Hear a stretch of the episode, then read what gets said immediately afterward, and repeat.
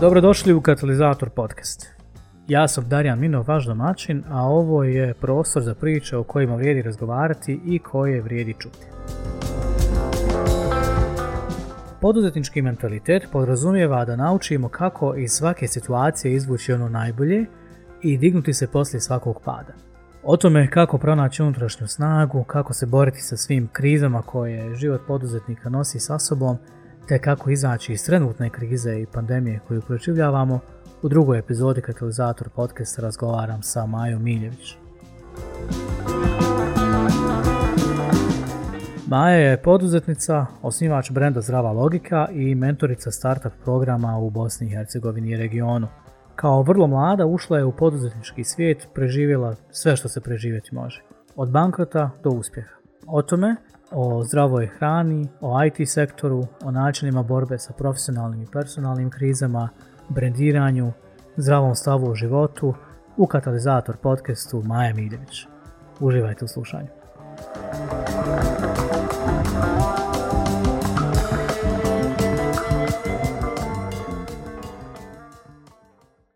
Majo, dobrodošla u Katalizator podcast. Kako si? Hvala puno i hvala na pozivu. Evo, odlično. Nadam se da ste i vi, a i svi koji nas slušaju. Hvala ti puno i hvala ti naravno što si izvojila svoje vrijeme za, za ovaj podcast. Prije nekoliko mjeseci na svom YouTube kanalu objavila si video pod nazivom Ja sad živim na Jahorini, što nije u redu sa mnom. Pa evo da krenemo od toga, šta nije u redu s tobom? Pa izgleda da puno stvari nije u redu, ali sam u jednoj potrepla dobro, a to je zašto sam izolaciju sastavila sa Jakorinom, što je u suštini najbolja odluka koju sam mogla donijeti. I onda mi sad svi zaista u suštini da, da sam predvidjela ovu cijelu situaciju i da sam zato otišla na Jakorinu. Nemam nikakve insajderske informacije, nisam ih imala jednostavno sam e, pratila svoju intuiciju, neko ko je odrastao u gradu i cijeli život je u gradu i u takvom tempu da sam stalno u autu, putujem ne samo e, među državama, čak i među kontinentima, imala sam jako puno turbulentnih godina iza sebe i odlučila sam nekako da se smirim malo par mjeseci, ali evo sad se to produžilo sa ovom pandemijom i mogu reći da je stvarno najbolja odluka koju sam mogu donijeti. A evo, iz ovog sam zaključila da je sve u redu sa mnom, da ipak imam dobru intuiciju. mada, mada e, mislim da to što nije u redu s tobom se može postaviti i, i, druga, i malo je drugačije pitanje, odnosno da to uskladimo sa onim što ti zapravo radiš. Ti si mlada osoba, poduzetnica si u Bosni i Hercegovini. Ok, šta nije u redu s tobom? Pa izgleda da je genetski kod. ovaj, kad me stavili vjerovatno na aparat, ono, neki ili na neki skener upalo možda u 1 ili 5% ljudi, ne po nekim super moćima, ne, nego po aktivnostima životnih, posebno u Bosni i Hercegovini. E, I tako se iskreno osjećam kao neko zamorče još u neke 22. godine, kada sam je odlučila da će moj put biti drugačiji nego put tadašnje moje generacije, e, jer sam u to neko vrijeme počela raditi na sebi, počela čitati drugačiju literaturu, počela se, okruženje mi jednostavno bivalo drugačije nego tadašnjim mojim vršnjacima i eto došla sam do toga da sam otvorila firmu sa 25 godina, da sam tada pokrenula web shop sa online dostavama domaće proizvodnje, što evo sada vidim da je onako dosta aktuelno 5 godina nakon toga. Bile smo, bili smo preteče u tome i nekako isklesali smo taj biznis, dosta smo proširili svijest ljudi u Bosni i Hercegovini na domaćem i zdravom izgradili proizvođača i nekako kad pogledam taj put iza sebe, u suštini shvatam da je to neka moja misija koju sam imala u sebi i slušala sam taj osjećaj, jel, kao i osjećaj za Jahorinu i na kraju stvarno došla do dobrih rezultata. Ovaj, što se tiče, ajmo reći, i samog projekta, ali rada na sebi. Mogu da kažem da sam došla do do puta kako da upoznam sebe, što mislim da je za svakog čovjeka najbitnije. Svakako se slažem s tim što si malo prije rekla da je upoznati sebe najbitnije. Kako je tekao zapravo taj put e, samog stvaranja projekta Zdrava logika o kojem si nam malo, malo prije pričala? Dakle, odakle uopšte ta ideja da, da se kreneš baviti zdravom hranom i proizvodnjom zdrave hrane? Jer to na neki način, kad onako na prvu čuješ proizvodnja zdrave hrane, ne zvuči, ajde da upotrebim taj izraz, onako tržišno seksi. Šta je tebe privuklo u cijelom projektu? Pa ja od početka pa i dan danas, evo sad isto mijenjamo modele, o tome ćemo malo kasnije da pričamo. Od početka do dan danas imam taj pritisak javnosti, odnosno i svog okruženja u smislu šta će ti to u životu. Jer nekako ja kad sam krenula u, u sam projekat sa domaćim proizvođačima i dizanjem te svijesti i dizanjem proizvodnje, u tom trenutku, mislim, svi oko mene su bili, tad je to, koliko god sad je malo seksi, ajmo tako reći kao pojam, tad je bilo kao da sam se vratila u čizme, selo i ono, 50 godina unazad e, da se nečim bavi, bavim jer ljudi u Bosni i Hercegovini nisu razumjeli šta ja to želim. A šta ja to želim sam ja vidjela u Britaniji, jer sam bila tamo na školu, u školu, odnosno na, ovaj, u školi i vidjela sam da tamo sve više atraktivnije ako je nešto domaće, lokalno, da se sve više ulaže u to neke domaće proizvode, proizvođače, da ljudi idu na sela i to elitni ljudi u, u Britaniji i vidjela sam da su ljudi spremni za kvalitetan proizvod dati više, posebno ako je domaći i tamo mi se rodila ta svijest o tom nekom lokalnom e, proizvođaču i proizvod. Moji su sa sela kao i što mislim da je većini ljudi koji nas sad slušaju i odrasla sam na selu, imamo tu neku domaću proizvodnju i kad sam se vratila sa tom idejom da dignem tu svijest o domaćim i lokalnim proizvodima, svi su bili u fazonu, ali mi smo poljoprivredna zemlja, svi mi imamo e, neke dede bake ili nešto na selu, šta će nama to, to niko neće kupiti, atraktivni su prerađeni proizvodi, a ne domaći. E, I stvarno je tako i bilo. Ja sam imala ogromnu problematiku da ljudima 2015. objasnim šta znači organsko, šta znači ekološko, šta znači domaće. E, međutim, bila sam previše mlada, previše naivna, previše vjerovala, ajmo tako reći, neke vizije često znam sad samo sebi reći da sam znala prosto da će sve proći, vjerojatno nikad ne bi ovaj, ušla u to, a sa druge strane, kroz što sam sve prošla, danas me i napravila ovim što sam danas i vjerovatno će me praviti naredni godina. Tako da svaki izazov daje, ajmo reći, neku vrijednost. Sama ideja je nastala, kao što sam rekla, 2015. mojim povetkom iz Britanije. Tada se obraćam svom fakultetu, tada ekonomskom u Banja Luci, da pokrenemo zajedno taj projekat svijesti, jer sam ja znala da ja to ne mogu sama, posebno ne kao neki omladinac koji je tek izašao ajme, iz neke ljuske i treba da upozna svijet. E, međutim, dobila sam tu negdje dosta velik otpor, ne samo njih, nego cijele zajednice, čak i svoje porodice, što mi je otežavalo, a sa druge strane mi je motivisalo, jer sam po prirodu dosta prkosna i ono, ako, ako vi me sad svi kažete da ovo ne može neće, ja ću vam dokazati da može. I iz nekog prkosa i sa vrlo malim kapitalom i sa velikom željom, intuicijom i vizijom je nastala ta zdrava logika. E, ono što je super jeste da smo mi kroz godinu dana, već 2016. godine, u Banja Luci imali prodajno mjesto sa domaćim proizvodima. E, tad smo imali oko 25 proizvođača u kooperanskoj mreži, oko 20 plastenika koji su radili za nas. Imali smo našu ličnu proizvodnju i do 150 kućnih dostava, to je najveći broj dostava u Banja Luci u jednom danu koji smo imali. Problem koji je nastao 2016. godine jeste ponuda, jer smo vidjeli da selekcija kvaliteta nije dobra, odnosno da proizvođači nisu edukovani, tako da smo otvorili udruženje građana pored firme, odnosno pored SP-a, tad je bio SP registrovan, to udruženje građana je imalo za cilj da edukuje proizvođače, da njih dižemo i nekako moj fokus sa tog prvobitnog sa prvobitnog modela, da budemo prodavnice domaćih proizvoda, je stavljen da razvijam domaću proizvodnju. I nije mi žao što sam donijela tad odluku takvu, jer sad možemo reći da iza sebe imamo stvarno najmanje deset ozbiljnih brendova koji smo razvili kroz mentorstvo u zdravoj logici sa jednom finom paletom proizvoda i ti proizvodi se sad mogu naći skoro u cijeloj Bosni i Hercegovini. Imamo oko 60 ozbiljnih organskih i eko proizvođača, e, jednu finu mrežu ljudi, jedan fin community. E,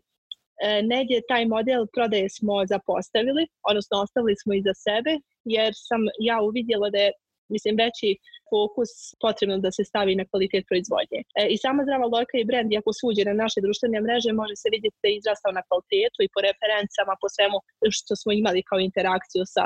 tržištem. Bili smo uvijek poveznice između proizvođača i tržišta i danas smo.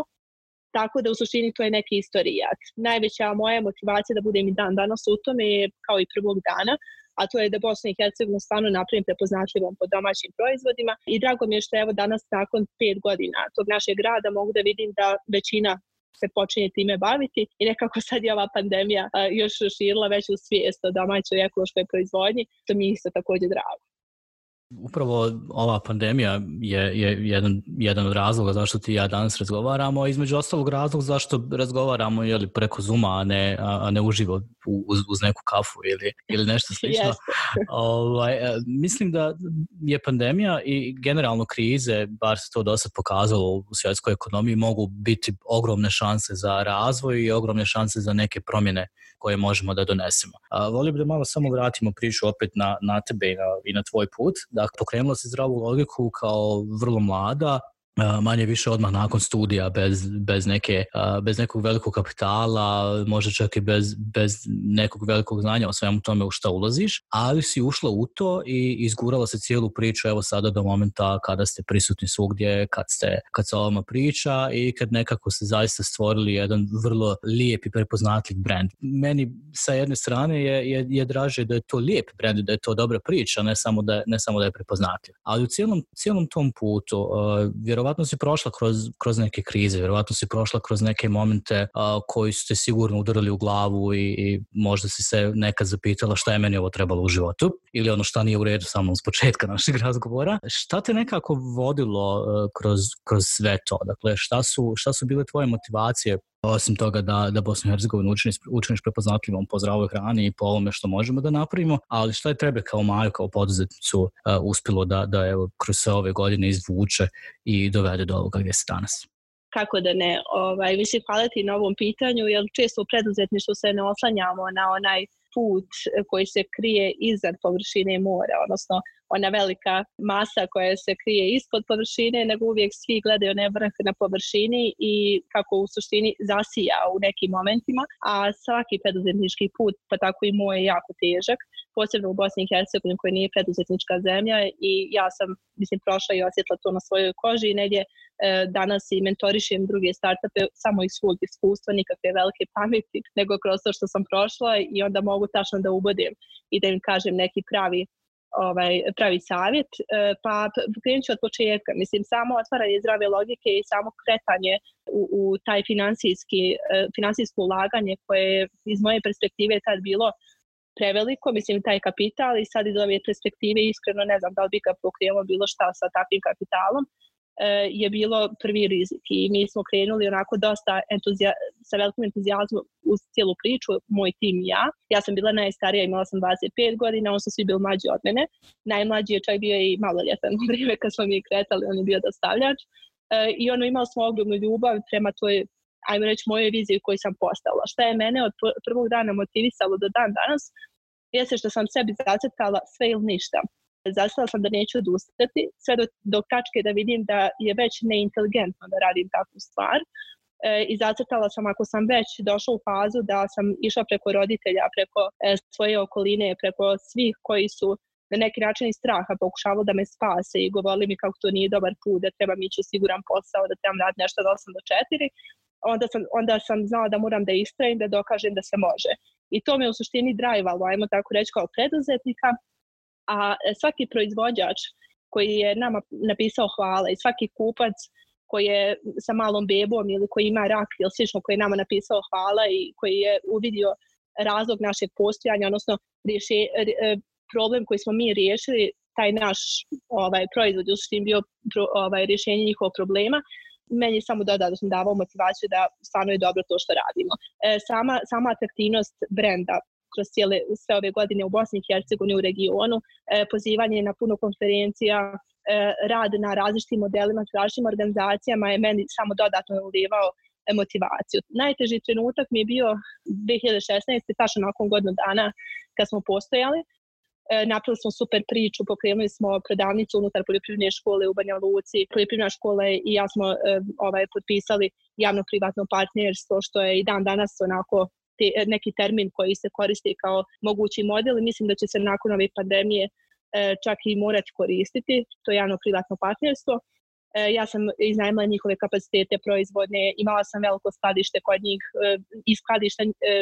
u poljoprivrednoj školi su išle sve dostave. Znači, napravila sam stvarno jednu ozbiljnu priču i može se to hronološki vidjeti kroz razne priče u to doba iz novina i sa nekih portala. Bila sam suočena sa, znači, nakon godinu dana da mi u suštini nemamo robu da e, mi možemo da odradimo prodaju, da možemo da odradimo kvalitetan proizvod, da možemo da odradimo e, sve što smo zamislili, ali da mi nemamo proizvođača. I to suočavanje sa činjenicom da mi kao jedna poljoprivredna zemlja koja ima sad trenutno 80% naše poljoprivredne zemlje se ne prerađuje, znači imamo ogroman kapacitet u poljoprivredi, smo u suštini došli do toga da najviše živimo od uvoznih proizvoda i da nikoga za to nije briga. Ja sam tad kucala nakon godinu dana na sva vrata i na vrata ministarstva, ministarstva poljoprivrede, na vrata grada Banja Luke, na mnoga vrata. sad su mi bila zatvorena kao što su i dan danas i u suštini sam vidjela da ta moja velika vizija koju sam ja imala u glavi je u suštini samo u moje glavi, da je realnost mnogo drugačija i taj hladni tuš koji sam doživjela tad mi je bilo mnogo težak uh, i onda sam odlučila opet i krenuti i na, u, u taj put sama, uh, da jednostavno mi budemo ti koji ćemo graditi proizvođače. I, i sa, kažem, sad tu smo i taj fokus sa tržišta stavili na fokus razvoja i tad sam morala da zatvorim prvobitni SP, tada ovaj, zdrava logika, E, jer jednostavno sam, nisam htjela sebe i svoj tim da vodim samo gubitke, jer nama se potražnja sve više povećavala, čak i drugi gradovi su bili zainteresovani za zdravu loku, naše prodavnice prodaju i slično, a ponuda nam se sve više smanjivala, jer e, mi radimo ipak sa sezonskim proizvodima, a i tad smo dolazili do bukvalno edukacije da mali proizvođači nemaju etikete, nemaju neke stvari koje treba, koje treba da imaju da bi izašli na tržište i mogu da kažem sa ponosom da je zdrava lojka negdje bila ovaj, e, inicijator zakona o malim eh, proizvođačima Republike Srpske. Federacija u to doba imala takav zakon eh, gdje smo uveli da se smanje kriteriji, da bi jednostavno ti ljudi mogli legalno da prodaju pekmez, jabuke, sok od jabuke i ostalo. E, tako da dosta je bio trnovit put. E, svaki, svaki taj moj pad, a imala sam dva totalna i bankrota, svaki taj moj pad koji me doveo na nulu, me doveo na životnu hiljadu. ovaj, e, toliko, toliko sam učila i toliko sam zahvalna na svakom tom trenutku, jer samo me učinio jačom i model sam još bolje slagala da bi išla dalje. Nažalost, ja sam izašla da se, ba, odnosno prihvatila sam da se bavim ovaj, tržištem, kao što si rekao, koji nije toliko profitabilan e, i to je ipak luksuzno dobro za koje naše ljudi nemaju ni svijest ni novac. E, međutim, ja mislim da Bosna i Hercegovina kao mnoge male države koje mogu biti primjer u Bosni i Hercegovini upravo svoj resurs mogu graditi u poljoprivredi. I dalje mislim da je to tako i dalje mislim da smo mi poljoprivredna zemlja i da nema baš puno resursa za kojima se možemo pohvaliti drugih, ali da je to i dovoljan resurs da bi bili lideri u nekoj proizvodnji. Zašto ekološka i organska proizvodnja? E, zato što je naša zemlja u Bosni i Hercegovini nezagađena bar ne toliko koliko je u drugim zemljama, iako smo mi ovdje imali ratove i razne, e, ajmo reći, hemikalije koje i dalje e, leže u zemlji, ipak testiranje pokazuje da naša zemlja je mnogo, mnogo zdravija nego, na primjer, zemlja u zapadnoj Evropi, jer zemlja u zapadnoj Evropi se iskorištava i po par puta godišnje za neku proizvodnju, e, dok kod nas ona leži već 20-30 godina nedirnuta, kao što sam rekla 80% zemlje. I upravo mislim kada bi stali fokus na takvu proizvodnju i na takve proizvode čak izvozili da bi naša ekonomija mogla da raste. Tako da, e, moj odgovor bi bio onako malo širi, ali e, nadam se da se izvuka neku srž. Bilo je padova, ali dalje motivacija i dalje vizija neka stoji ista priča koju se pomenula o bankrotu mi je zapravo nekako naj, najzanimljivija u, u ovom dijelu koji se tiče tebe i zapravo se dotakla dvije, tri stvari o kojima sam htio da, da razgovaramo u nastavku, tako da ću se još, još neko kraće vrijeme držati brenda zdrave logike i ovoga što ste vi postigli. Pitanje koje bi ti postavio i, i nešto o čemu bi volio da čujem tvoje mišljenje je e, šta si ti kroz svo ovo vrijeme e, naučila upravo o brendiranju i o izgradnji brend, jer e, danas mnogo pričamo o tome i s obzirom da je moj background je u digitalnom marketingu i brendiranje i rad na, na brendu je vrlo važan dio ukupne marketing strategije bilo kakve kompanije, bilo kakvog projekta koji, koji pokrećemo. Kroz sve što radimo, zapravo one neke standardne stvari koje učimo kroz, ne znam, kurseve, fakultet ili bilo što drugo, kad dođu u dodir sa realnošću uh, moraju da se prilagode. Šta su nekako bile stvari koje, koje si ti naučila dakle upravo o brendiranju i možda čisto da samo zaokružimo još malo priču o poduzetništvu, uh, šta su možda bili neki mitovi i zablude koje si ti razbila sama sebe kroz, kroz cijeli ovaj put koji si prošla? Ajde, prvo ću se osvoniti na ove bankrote i preduzetništvo, pa ćemo preći na brendiranje. Kada kažemo o bankroti, ja tu mislim na totalnu nulu ovaj, na, na računu i privatno i poslovno i to je negdje kada idete all in i kad rizikujete i kad dođete do tačke jednostavno da, da niste uspjeli. I prvi put kad mi se to desilo, rekla sam sad kad se to desilo, eh, ja sam eh, tad pala u, ovaj, u, ajmo reći, neku vrstu depresije, jer tad svi oni iz početka koji su mi govorili e, nećeš uspjeti, nisi usp, ovaj, e, nećeš uspjeti sa tim, slično su me tad dočekali, uključujući i moju mamu. I onda su mi rekli tolika energija je ovaj, u to se uložena, toliko novca i tako i opet nisi uspjela. Hajde sad okreni se nekom sigurnom poslu i nečemu što će ti donositi određene benefite i e, novac. E, I tad sam napravila pauzu neki 4-5 mjeseci, tad sam se u suštini ja uključila u IT industriju o kojoj ćemo kasnije pričati. I, ali tad sam shvatila da, e, na primjer, čitala sam jako puno literature sa zapada, jednostavno mi nismo, pred, moje, moji roditelji su odrasli u komunizmu, odnosno u tom nekom socijalnom, ekonomskom sistemu, e, zatim su ušli u taj kapitalizam i oni ne znaju što znači preduzetništvo, a kapitalizam koji je kod nas i, e, i danas prisutan je neki, neka vrsta tranzicije između E, našeg starog e, ekonomskog sistema i novonastalog kapitalizma e, i samim tim njima je nepoznato što znači preduzetništvo, što znači padovi, što znači pokušava, što znači startup. Čitajući tu neku zapadnu literaturu sam shvatila da je samo do našeg podneblja problema ne u meni i da u suštini na zapadu neko pokušava 10 puta 11 i uspije da nekad ta prvobitna ideja ne mora biti najinovativnija ideja, E, da e, neko radi 10 godina na nekom projektu da bi uspio taj projekat, ako se drži vizije. I ono što je najveća moja lekcija o cijelom preduzetništvu jeste da ne odustajemo. Znači, ukoliko smo krenuli sa nekim projektom, ukoliko znamo da rješavamo stvarni problem našeg tržišta i da stvarno postoji taj problem na tržištu na kojem smo se bazirali, onda treba ići da se nađe pravo rješenje. Nekada to rješenje nije prvobitno koje smo mi naveli, ali će biti. E, u mom slučaju mi smo mijenjali tri modela zdrave logike i svaki je ponovo bio uspješan sam po sebi zato što smo prilagođavali rastu svijesti e, ljudi. E, I ti neki ustaljeni e, momenti koji kod nas postoje da se zaposlimo i radimo neki posao 10, 20, 50 godina e, su u suštini iz tog starog sistema i žao mi je što danas mnogo naše omladine tako razmišlja. Ima puno, puno svojih vršnjaka koji ži, radi isti posao 10 godina i raće do još 30 jer im je to cilj e, i ono tako razmišljaju, dok na primjer na zapadu kad sam bila i u Washingtonu i u Cirihu gdje god da sam držala pič za zdravu logiku, e, vidim da jednostavno ljudi samo idu, čak neki idu pokreći kod dva, tri startupa i čak neki investitori imaju e, ulaganja, na primjer 70 i od tih 70 je možda 10 uspješno. Tako da u suštini ta edukacija o preduzetništvu nam fali, generalno kao podneblju u cijelom Balkanu, a glavna lekcija o preduzetništvu moja je bila da se ne odustaje, da se mora biti jak, radila sam jako puno na sebi, izašla sam tad iz te depresije, nikad više nisam pala u takvu vrstu depresije, sam shvatila da nije do mene, odnosno da, da, da je do okruženja i da se ja moram jednostavno boriti biti samostalan igrač sve dok ne budem imala isto mišljenike oko sebe. I stvarno mogu da kažem danas u Bosni i Hercegovini regionu postoje ljudi koji već razumiju preduzetništvo, ne na način na koji još to treba biti, ali mi je drago što se ta svijest raste. Ja kažem, negdje zdrava logika, još par priča su bili zamorci startup scene Bosne i Hercegovine, i meni je drago jer e, mi smo puno kroz naše padove i kroz naša javna obraćanja učili mlade ovaj, o, o samom preduzetništvu i drago mi što danas i mentorišemo mlade ljude u Bosni i Hercegovini, e, tako da mislim da kogod krene u bilo kakvu preduzetničku aktivnost, da li je to otvaranje startupa, da li je to neka inovacija, da li je to, ja kažem, preduzetnička aktivnost, ako odlučimo da idemo živjeti u drugu državu, ali da radimo na sebi i na nekim svojim idejama, je već na neki način uspio po meni i svaka prva koja se desi greška, pa ili kako god, ne smije da nas omete, nego samo da nas učine jačim. Što se tiče samog brendiranja, mislim zdrava logika je primjer šta znači dobar brend i postavljanje dobrog brenda. Moje, moje core obrazovanje je vezano za marketing i upravo za brendiranje i to je nešto što mene jako puno ovaj, zanima, posebno psihologija koja se, odnosno taj storytelling koji se oko svakog brenda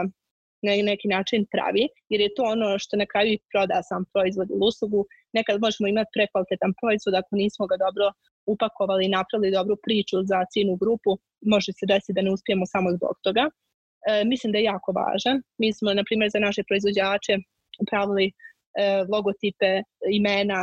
na neki način smo ih pozivali da se moraju registrovati kao firme i da li udruženja, zadruge. Pravili smo od njih e, njihove porodične priče i nisam dozvolila da zdrava logika bude brand pod kojim će biti njihovi proizvodi, nego da svako od njih ima svoju priču. Zašto? E, zato što mislim da to prodaje sam proizvod. E, I stvarno se tako i pokazalo. I mislim da je brendiranje e, jedna od najvažnijih stavki, ajmo reći, današnjeg, današnje startup scene i da je to negdje 60 do 70% cjelokupnog dojma, bez obzira kakav biznis plan ima, marketing plan, mislim marketing plan se i našla negdje na taj uh, branding, ali što god da uradite u background, ja kažem u backendu, ako niste dobro u frontendu to prikazali, odnosno kroz taj branding i ako to ne izgleda dobro, e, može da ne uspije. Tako da mislim da je to jako važna stavka svakog startupa i svake preduzetničke priče. Hvala ti puno za, za taj malo širi odgovor i moje pitanje je bilo malo onako kompleksnije e, jer nekako kroz, kroz cijeli ovaj razgovor već se dotičemo mnogo, mnogo zanimljivih tema ova, i mnogo toga što, e, što je zaista jako važno čuti, pogotovo od nekoga koji je prošao tu vrstu iskustva koju se ti prošao. Prije nego što se vratim, odnosno prije nego što pređem na, na priču o IT sektoru i o tvom iskustvu unutar IT sektora, jer je ono je također prilično zanimljivo i veliko. Vratit ću se još malo kratko na, na, na tvoj životni put i na ove neke lekcije o kojima si sad govorila. Pomenula si mentalno zdravlje nekoliko puta i pomenula si rad na sebi nekoliko puta evo, od, od samog početka ovog razgovora, pa i sama ova šala oko Jahorine i, i tvog života sada tamo je jedan, jedan dio zapravo toga. Mislim da je tema mentalnog zdravlja kod poduzetnika još uvijek u, u nekom ajdemo reći, petom, šestom planu u, u svemu što jedan poduzetnik treba da, da, da prođe, mada mislim da bi trebala biti prva, jer uh, kroz sve ovo što sam sad čuo od tebe promeće se jedna zajednička karakteristika, a to je da, da je tvoja mentalna snaga i snaga tvoje odluke i volje na kraju krajeva bila ono što te izvuklo iz lošeg raspoloženja, iz depresije, iz bankrota, iz znači svih problema koje si prošla u zadnjih nekoliko godina. Šta danas za tebe podrazumijeva taj rad na sebi i možeš li nam dati neke pod navodnim znacima preporuke ili, ili, ili, ili tvoje iskustvo koje ste pomogli da shvatiš Dakle, ti moraš biti ta koja, koja će ustati, da ti moraš biti ta koja će, koja će biti jaka i nastaviti dalje. I na kraju krajeva da evo, zaokružimo i tu, tu priču o tvom o tvom poduzetničkom razvoju i putu, što, ti je što te nekako dovelo jel, do snage i, i do momenta da, taj, da tu cijelu priču zdrave logike i taj brand izguraš? Pa, dobro pitanje i ja nekako kad i radim ovaj programe sa startupima gledam e, najviše e, postavljam pitanja upravo iz psiho, psihoanalitike, odnosno e, ispitavam koliko je taj founder ili osoba koja stvarno stoji iza tog brenda, ne mora biti inovator koji stoji za proizvod, ali osoba koja vodi taj brend jaka. E, mislim da je to ključna stvar. E, mnogi startupi, mnoge priče, mnogi čak ozbiljne kompanije nisu uspjele upravo zbog slamanja psihe vlasnika ili tog nekog drivera, tog nekog motora same priče. E, moje neke, neki mentalni, mentalno odvajanje od svega, svih uvjerenja koje sam imala prije se desilo kad sam i rekla, kad, kad sam zatvorila prvi taj koncept zdrave logike i kad sam u suštini počela da shvatam da me vuče taj to moje okruženje i da ja stvarno pokušavam da vjerujem odnosno da se prilagodim njima i da vjerujem da ja stvarno nisam uspjela, da to stvarno nije bila dobra ideja. E, I prvi put kad sam po, ono probudila se i počela tako da razmišljam, rekla sam Majo, opala sebi šamar i rekla sam imaš dvije opcije ili ćeš stvarno e, pasti pod taj uticaj i zauvijek ćeš ostati u tom uticaju i ono vjerojatno početi raditi neki posao da sam do četiri živjeti pod tuđim uvjerenjima ili strahovima ili ćeš početi stvarno graditi svoj put gdje ćeš ti samu sebe i uvjeriti i motivisati i biti sutra jaka kad je teško, jer na kraju samo imamo sebe i na kraju koliko god da radimo dobru priču i radimo dobre stvari za druge, mi ustajemo ližemo sami sa sobom. E, I tada sam rekla sama sebi, ok, idemo sad ti i ja ovaj, e, u, u ovu borbu i počela sam raditi na sebe mentalno. E, ojačavala sam uvjerenja, jačala sam taj neki mi smo svi na Balkanu učeni i nekako smo od, od malena vaspitavani da čutimo. Stariji zna bolje, profesor zna bolje. Kad smo dolazili na fakultete, profesor zna za 10, mi znamo za 8, 9 i ta neka hijerarhija u znanju i moći nam se nekako prožima i kroz genetiku e, i mi u suštini u 25. godini i dalje tražimo autoritet. Mi možemo da vidimo kod puno mladih ljudi danas da je to tako i e, malo je ljudi koji se otkače od toga jer mi ako se otkačemo od toga rizikujemo da i roditelji nas ne prihvate, da nas okolina ne prihvati, da ostanemo bez prijatelja i mnogo ljudi zato i ne izađe iz te zone kompora. Ja sam tad rekla sama sebi svaki čovjek ima neku viziju, svako nešto treba da ostavi za sebe moja vizija je ta zdrava logika, odnosno ta neka promjena koju ja želim vidjeti i idem na sve ili ništa. Rizikujem i da me se odbaci i roditelji, i prijatelji, i familija i svi tada koji su mi u suštini govorili sve te stvari i idem u neki svoj mentalni sklop. I puno sam čitala, tad sam čak, na primjer, izgubila neki krug ljudi oko sebe, radila sam puno na sebi, da, da sam vremena provodila u prirodi i čak sam dobijala komentare da sam čudna, da e, imam neki svoj svijet, da i to mi nekako je postao i kompliment, jer sam u suštini znala da je to neki svijet koji ja sama gradim po svojim principima i ono koga razumije, isto mišljenici smo, koga ne razumije, ono, nema, mislim, neću suditi, ali ono, ne, neću ni pravdati, jednostavno to je moj put kakav god daje. I nekako dan danas taj mentalna jačina upravo proizilazi samo iz mene, E, ne mogu da kažem da nemam slabih dana i slabih tačaka, svaki čovjek ih ima, ali ono što sam ušla znam da prepoznam kad ulazim u takvo raspoloženje, u ta neka stavi, stara uvjerenja i da razgovaram sa sobom. Mislim da je mentalno zdravlje svakoga pa i preduzetnika jako bitna. Ja čak sam nekad razgovarala sa psiholozima, e, čak sam čitala jako puno psiholoških knjiga, čak i strategija kako pristupati strateškim nekim rješavanjima problema generalnim i mislim da e, sam preduzetnik mora puno raditi na tim vještinama i da preduzetnik koliko god da je jak menadžer operativno, da može ima znanje iz takvih e, stvari, mora biti lider i imati vještine o kojima sad pričamo mentalne, da bi ga tim slušao. Jer taj autoritet i taj neki liderski moment se upravo stvara iz sklopa svih ovih vještina o kojima sam pričala. A biti lider je u suštini najteže, biti šef, direktor, preduzetnik je nije toliko teško, ali kad vi stvorite stvarno e, evo i brand koji negdje i druge čini srećnim što su dio tog brenda i zajedno imate neke vrijednosti koje ste podijelili i e, ne odstupate od tih vrijednosti je samo strana karaktera ljudi koji stoje, tima koji stoje iza toga, a samim tim i osobe koje nekako to sve energetski šalje. Tako da e, mislim da preduzetnici moraju dosta raditi na sebi i biti mentalno jaki jako mi se sviđa ovaj, ovaj svoj odgovor i, i onako super si nekako zaokružila tu cijelu priču od, od samog poduzetnika, dakle samo pokrenuti nešto nije uopšte toliko teško, ali taj, to istrajanje i na kraju krajeva okupljanje ljudi oko sebe i širenje e, vlastite emisije e, je, je zapravo ono na čemu moramo raditi ako planiramo biti poduzetnici. I to je ono zašto nam treba u suštini i, i ogromna motivacija i ogromna snaga. Tako obično kad kažemo poduzetnici, obično kad pričamo o poduzetnicima i, i to se nekako naslanja na ovo što smo ti ja govorili da a, e, zdrava hrana ne zvuči toliko tržišno, je profitabilno i zanimljivo, jer nekako najčešće se vrtimo oko IT preduzetništva, oko softverskih kompanija ili, ili nečeg sličnog. Ti si imala mnogo iskustva i u tom sektoru. Uh, bila si direktorica Sparka, uh, radila se mnogo sa, sa startupima, radila se mnogo sa mladim ljudima koji su u tom sektoru. I sad možemo reći da, da zdrava hrana i IT sektor možda nemaju nikakve veze, mada ja mislim da imaju, uh, ne, ne samo iz razloga što najčešće u IT kompanijama možemo naći najviše zdrave hrane, jer nekako je uvijek uključuju u tu, u tu pondu svojim zaposlenicima i to je ono što je, što je meni super kroz, te, kroz tu cijelu priču, ali obje su zapravo segmenti tržišta u kojima treba mnogo te snage i, i mnogo, mnogo te motivacije, jer ipak nije jednostavno, čak i u toj tržišnoj grani koja je super profitabilna i jaka, kao što je IT sektor, nije jednostavno uspjeti E, jer je, jer je tržište vrlo uh,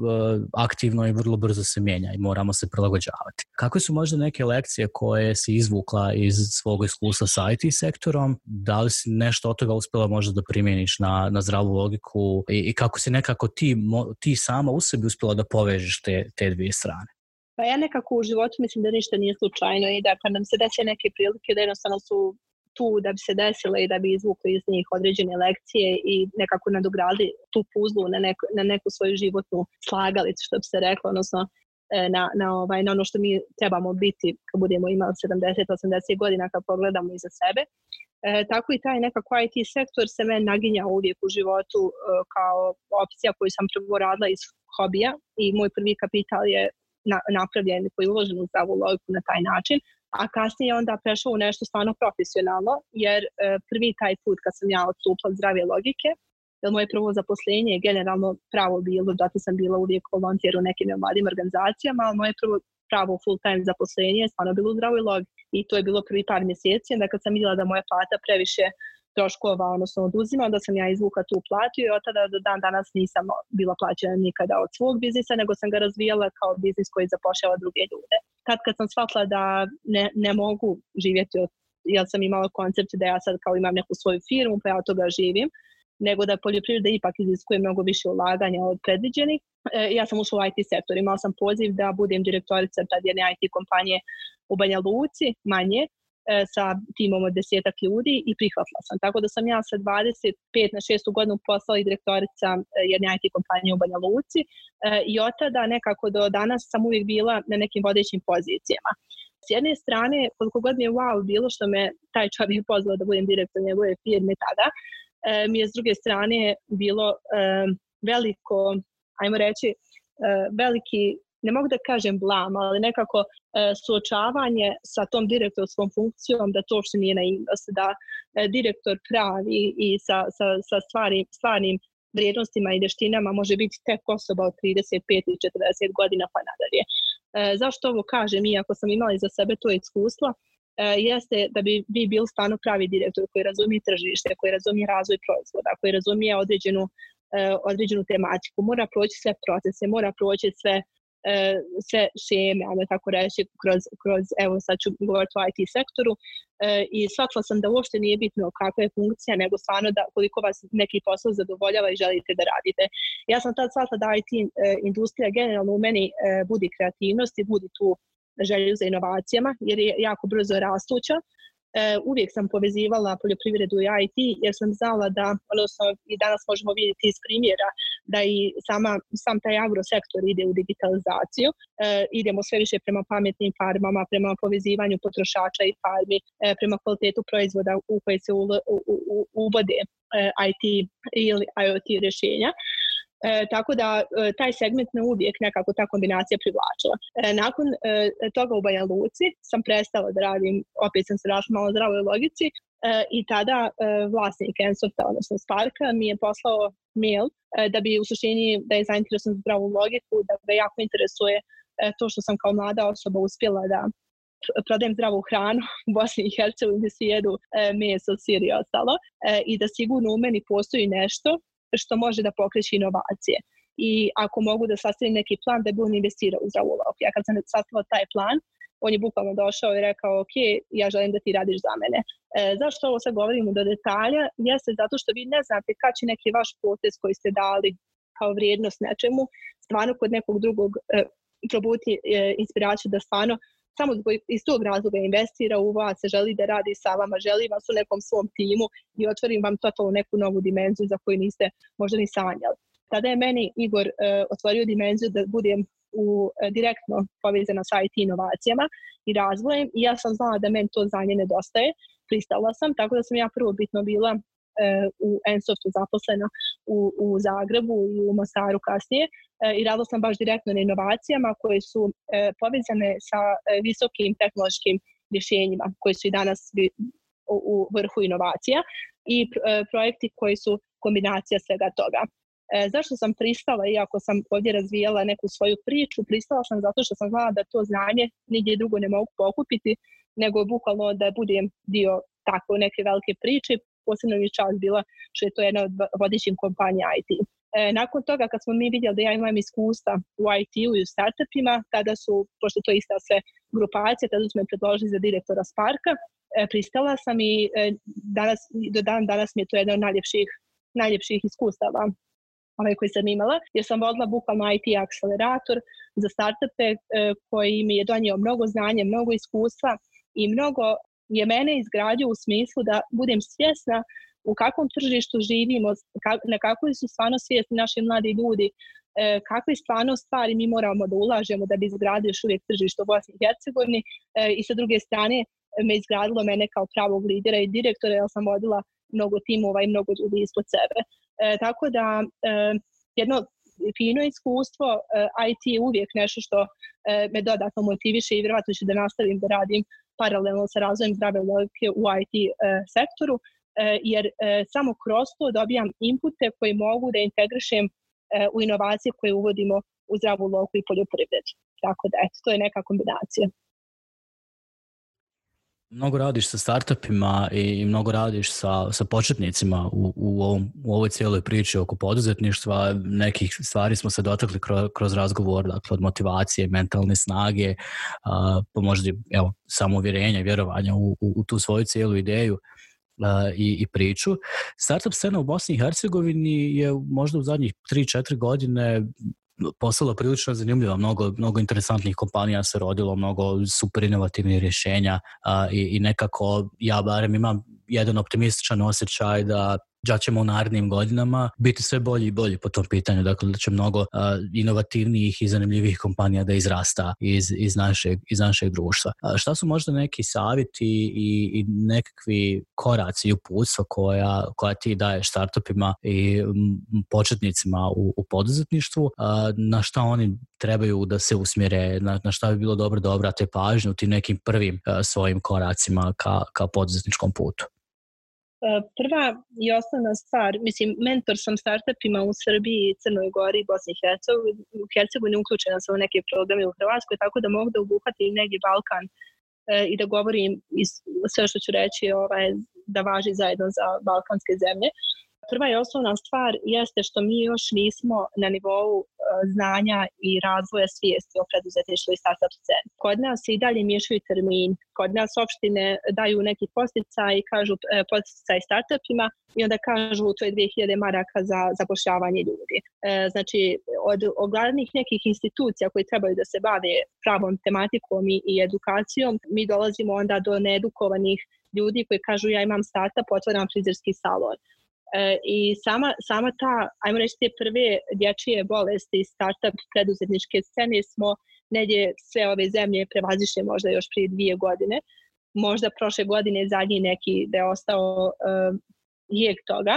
E, međutim, ulazimo sad u jednu drugu razvojnu fazu uh, startup mindseta kod mladih ljudi E, a to je da ne prepoznaju da startup mora imati inovaciju, da mora biti visoko inovativan, da startup nije riješiti problem u svom gradu, nego riješiti problem koji može skalirati globalno. E, i e, ne, ne nemaju, ne pridaju dosta pažnje e, istraživanju tržišta, e,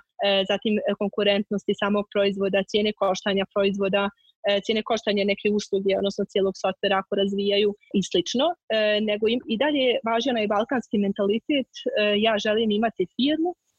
ja želim da moja ideja je najbolja i koliko god vi njih u njihovom piču da ispitate puta, ali kako taj isti neko ima isti takav proizvod, ne, ne, ne, moja ideja je najbolja. Bez tačnih pravih informacija zašto. Sve to je skup, kao što sam rekla, tog nekog mentaliteta istorijskog koji imamo, zatim egzistencije, borbe mladih da kroz startupe stvore egzistenciju za sebe i porodice, a to nije dobar, dobra početnička tačka za e,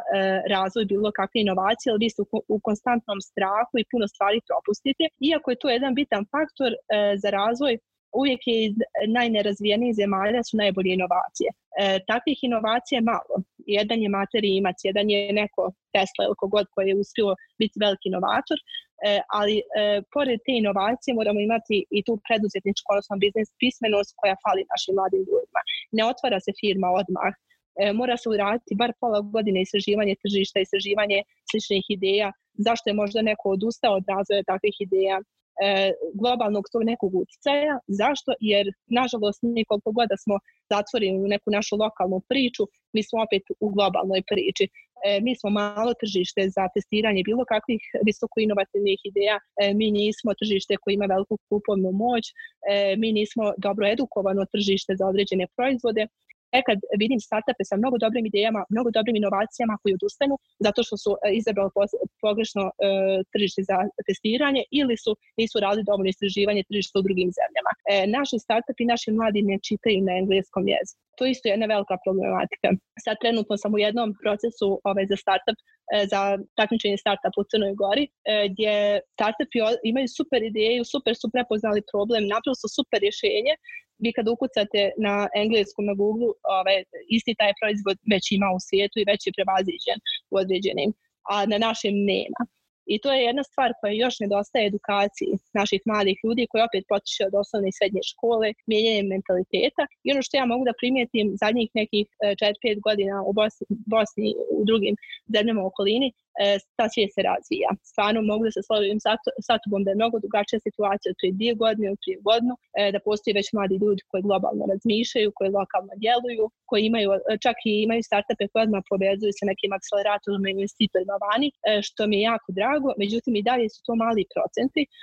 Nama ipak treba ajmo reći, veći setup skills, odnosno još drugih vještina trebamo ugraditi mladim ljudima, sem tih možda koje oni imaju prirodno u sebi, E, da bi bili pravi preduzetnici, da bi izašli u svijet i napravili dobre priče i zaposli ljude u Bosni i Hercegovini. Kao što imamo par primjera u par IT kompanija ovdje koji su to stvarno uradili i Ensoft je jedna od takvih kompanija, ali nažalost to su stvarno primjeri u malim procentima i zbog toga još se ne usudim da kažemo da imamo razvijenu startup scenu.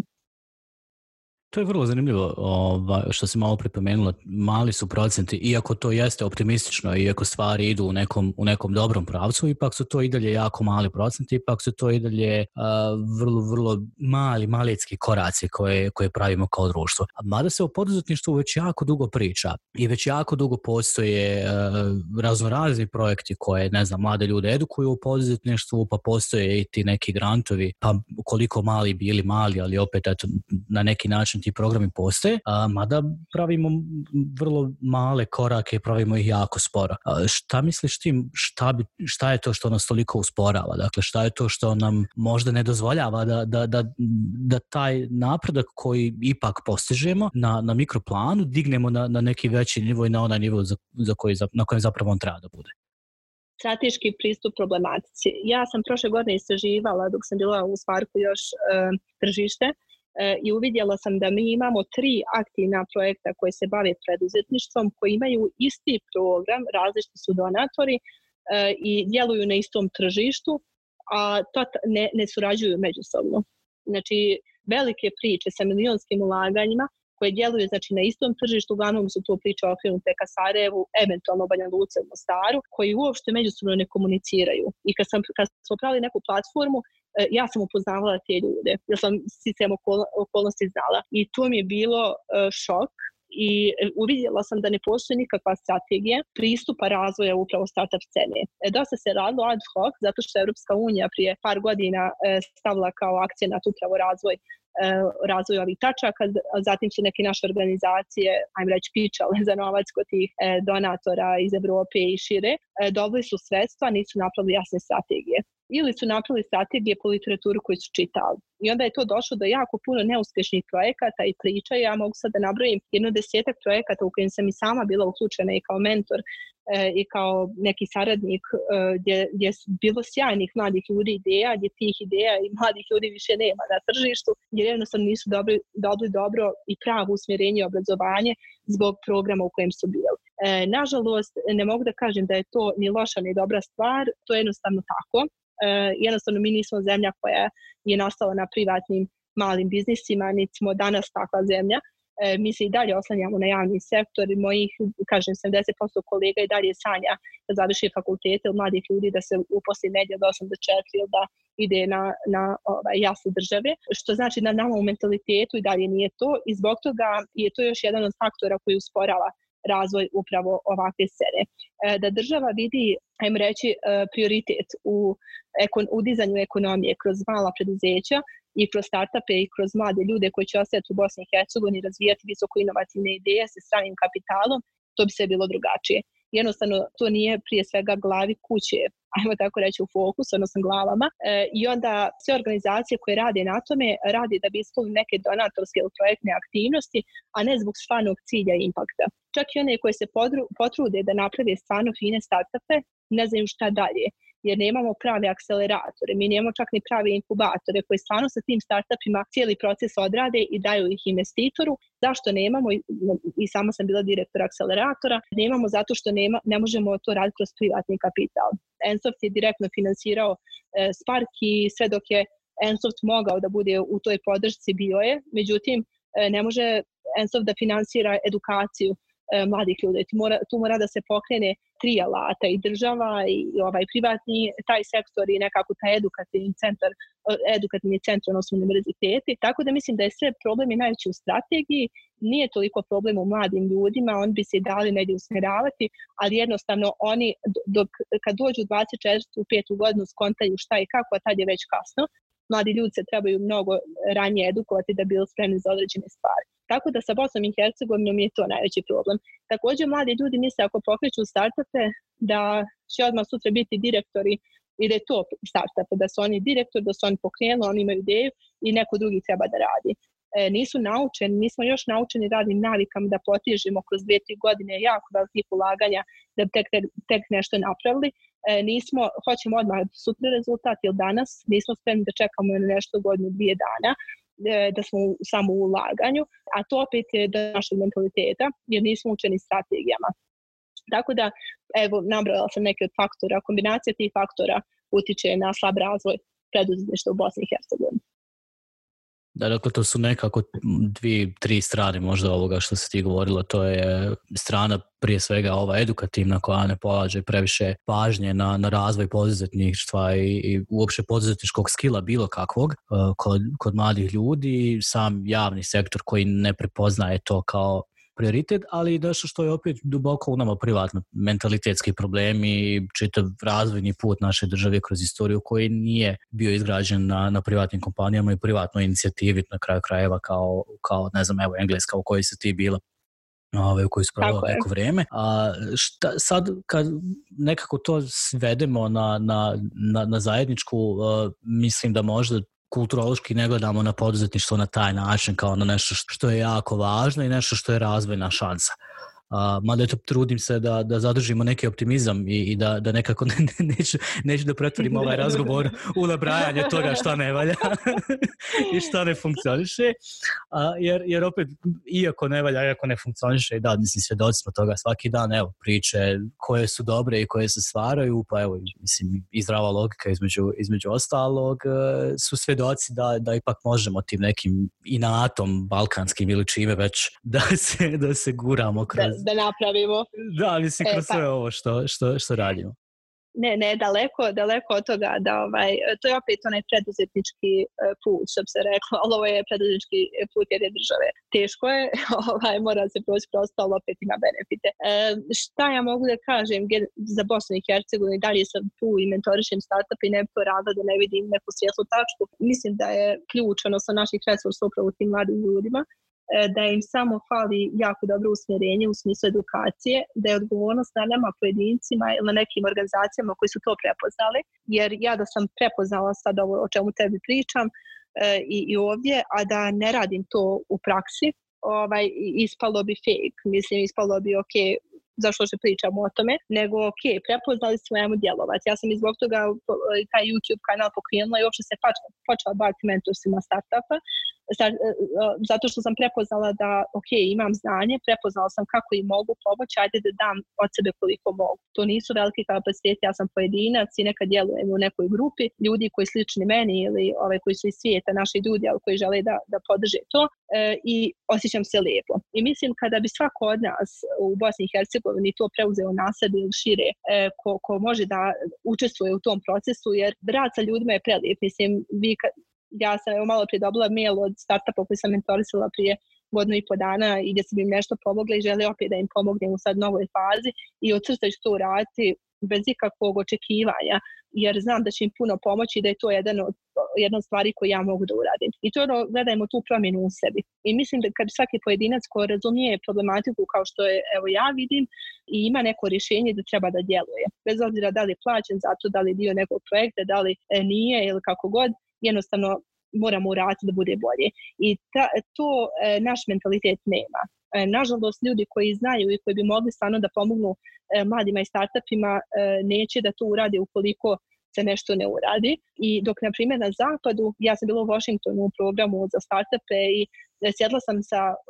investitorima koji su u stotinama miliona uložili i koji su meni dali svoji sad dva vremena, bez ikakvog traženja išta za uzvrat, E, jer znaju da stalnim takvim ulaganjem će se stalno i njima nešto vraćati. Tu nama, našem mentalitetu fali da pomogli upravo tim mladim ljudima. A mladi ljudi žele. I ja nekako vidim tu svjetlu tačku da stvarno e, imamo dobre mlade ljude, da imamo ljudi, mlade ljude koji žele da rade, koji su vrijedni. E, ne svi, naravno mi dalje spadamo u mentalitet onih ljudi koji su e, malo pasivni, ali e, ovi koji se probijaju i žele da odrade neke promjene, to je jedna ogromna energija i vrijedi ulagati u njih i e, mislim da to,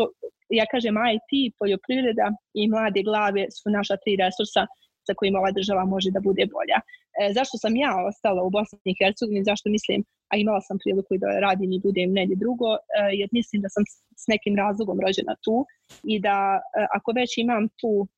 mindset takav da prepoznajem problematike i da mogu negdje da nađem rješenja, pa hajde da djelujem. E, koliko god da moj životni vijek trajao. Tako da mislim da e, ako bi se pojedinci okrenuli ovaj, takvom sličnom razmišljanju, da bi mi mogli sami već stvarati bolju državu kao što i stvaramo. Evo, kao što ti kažeš, postoji pozitivni primjera možemo svoj život učiniti boljim što ćemo nekad otići u prirodu, nekad na selo, nekad negdje otputovati. E, do nas je kako ćemo iskreirati svoj svijet gdje god da živimo, da li živimo u Americi, u Bosni i Hercegovini, bilo gdje drugo, e, jer ipak danas je globalizacija odradila svoje da imamo mnogo stvari dostupno, ali ovaj, e, naj, najbitnije je da imamo mentalni sklop da želimo nešto da promijenimo i pomognemo da bude nešto bolje. Tako da mislim da svijetla tačka postoji, mislim da Bosna i Hercegovina ima perspektivu, bez obzira na puno crnih stvari i mislim da imamo dosta pametnih ljudi e, koji će izvući i koji izlače i dan danas ovaj, e, to svo crnilo koje smo nabrojali to su upravo ove zanimljive stvari o, kojima se pričalo, to su upravo prilike zapravo koje, koje nam se nude i kroz a, vrijeme u kojem živimo kroz 21. vijek je zaista mnogo toga dostupno i ne moramo ići mnogo daleko a, ni fizički ni, ni, ni na bilo koji drugi način da bismo došli do resursa, da bismo došli do ideja, da bismo došli do, do znanja ili evo kontakata sa, sa tobom i sa sličnim ljudima koji, koji imaju neko iskustvo koje je vrijedno podijeliti i koji ga zapravo nesebično, nesebično dijele oko sebe. U svemu ovome i mislim da je, da je ovaj dio razgovora zapravo nekako savršeno nas uveo u, u sam kraj i, i ono što je volio od tebe da, da izvučemo još par nekih zadnjih, zadnjih pitanja. Vrlo sam sretan što smo uspjeli da, da imamo ovaj razgovor i vrlo sam sretan što, što postoje ljudi koji, koji pričaju o ovome, jer pričali smo malo prije, poduzetništvo je, je šansa da izađemo iz svih kriza koje trenutno proživljavamo. Jednostavno, čitav taj mindset poduzetnika, posebno ako se vratimo na ono što si ti govorila na samom početku, taj, taj jedan, jedan od najboljih stvari zapravo sa zapadnog mentaliteta je ta što kad padneš ustaneš i ideš dalje. Ne čekaš da te neko podigne, ne znam, da te obriše opere i stavi nazad na stolicu, nego se digneš ideš dalje i pokušaš da naučiš nešto, nešto iz toga. A šta je nekako na, u svemu ovome možda najbolji savjet e, od, koji si ti dobila u, u, svom, u svom životu i svom radu i da li možda postoji e,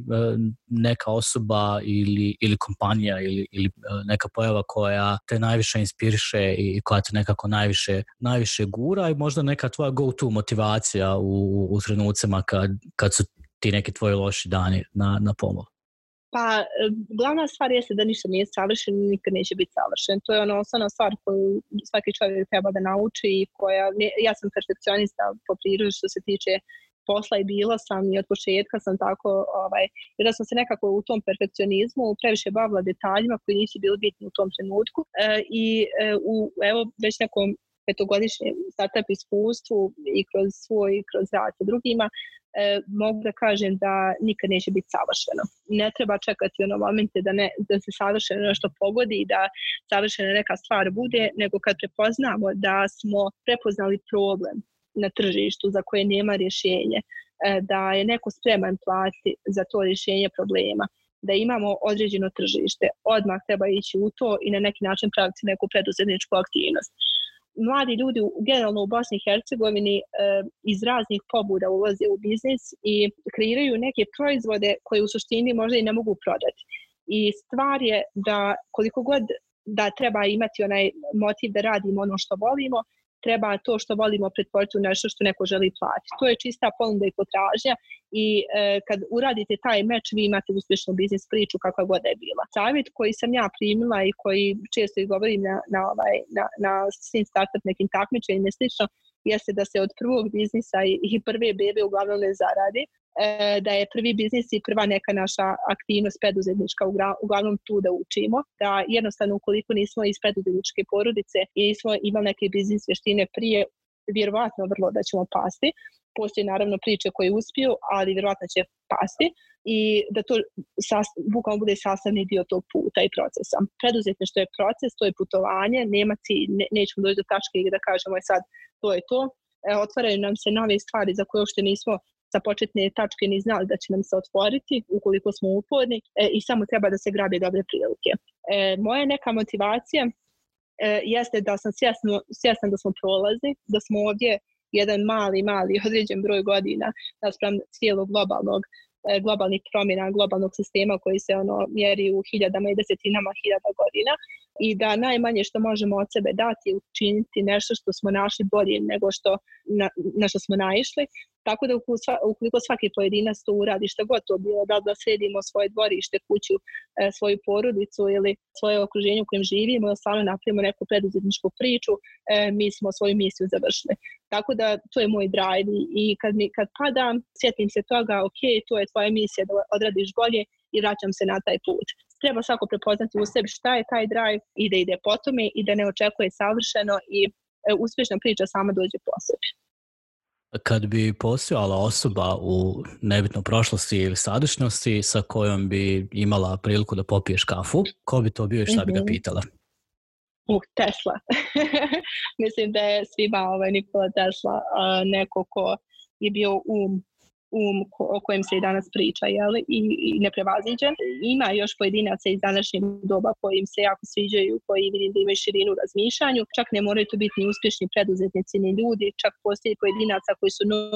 name koji žive ovako negdje ovaj, van gradova, imaju neki svoj koncept života koji je uspješan, ovaj, i e, mislim da bi to bio Nikola Tesla, a u trenutku nekim, ovaj, e,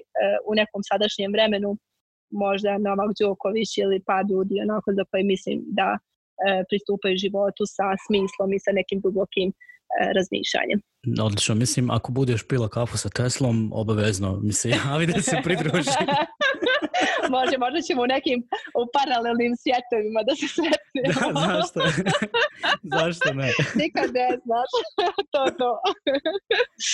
Ali eto, to je neka inspiracija. Da. I u suštini kad vidite koliko je bio velik jednostavan, jednostavan čovjek i koliko uh, je ovaj, koliko nije težio materializmu nego stvaranju, uh, on nas može dovoljno uh, podučiti da neke stvari nisu tu da bi stvarali neke materijalne stvari, nego da bi ostavljali E, kvalitet za sebe i da nešto napravi boljim. Potpuno se slažem s tobom i također mislim da se veličina ljudi mjeri u onome e, koliko šire i koliko, koliko dijele oko sebe. E, nebitno da li to znanje, iskustvo, ideje ili, ili nešto peto ili deseto, nego nekako da, da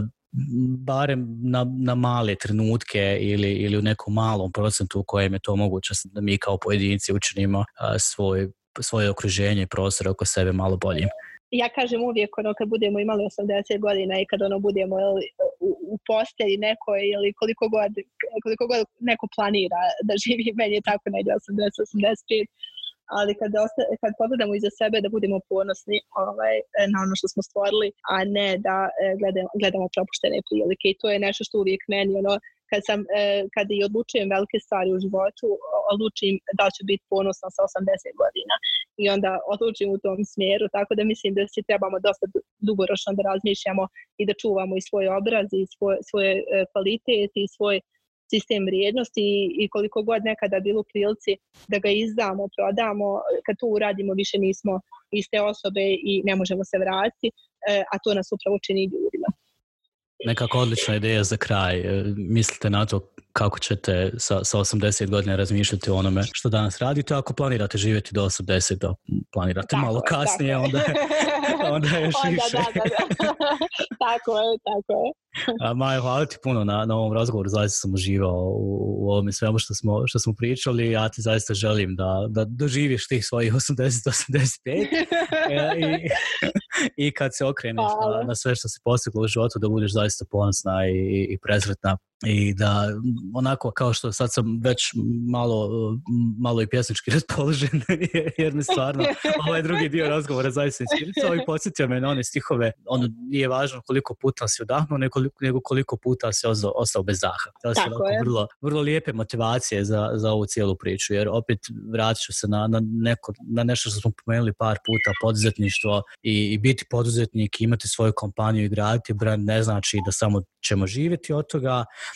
nego da ćemo zaista uljepšati svoje okruženje i riješiti neki problem i možda ispraviti neku, neku grešku ili neku, neku nepravilnost koju vidim. Upravo tako. Ako pogledate bilo kojeg velikog preduzetnika svjetskog ili njihove biografije, svačete da nisu krilni sa motivacijom da budu milioneri ili milijarderi, nego da riješe neki problem. I stvarno tako jeste, tako da sva, sva problematika leži u tome i što je stalni izlazak iz zone komfora. Tako je, hvala ti puno još jednom na, na ovom razgovoru, hvala ti na izvojenom vremenu i nadam se da, da smo se malo pomjerili iz zone komfora i da smo sve one koji su nas slušali potekli na to da se pomjere malo iz svoje zone komfora i da, da malo drugačije razmišljaju o stvarnosti koju živimo. Hvala tebi, ova inicijativa je stvarno super i želim ti puno sreće u ovom projektu i drago mi što sam ovaj, među prvima bila. Nadam se da ćemo imati neku stotu emisiju da onda pričamo šta je bilo u prethodnih sto emisija, odnosno šta se sve desilo dok trajalo to sve. I drago mi je i hvala ti na pitanjima, bilo su jako meni bar zanimljiva i nadam se da smo e, pomogli svima koji slušali bar da promijene mišljenje ili da naprave nešto novo. Slušali ste Katalizator podcast. Hvala što ste bili s nama. Ovu i ostale epizode možete pratiti preko Enkora, Google i Apple podcasta, Stitchera i drugih podcast aplikacija. Pretplatite se za nove epizode i pratite Katalizator podcast na Facebooku, Instagramu i YouTube. Ako vam se svidjela epizoda, ostavite ocjenu ili like. Podijelite sa svojim prijateljima za koje mislite da će im ovo biti interesantno. Šaljite na vaše ideje za teme i goste na društvene mreže ili na katalizatorpodcast at gmail.com. Hvala vam još jednom i slušamo se u sljedećoj epizodi.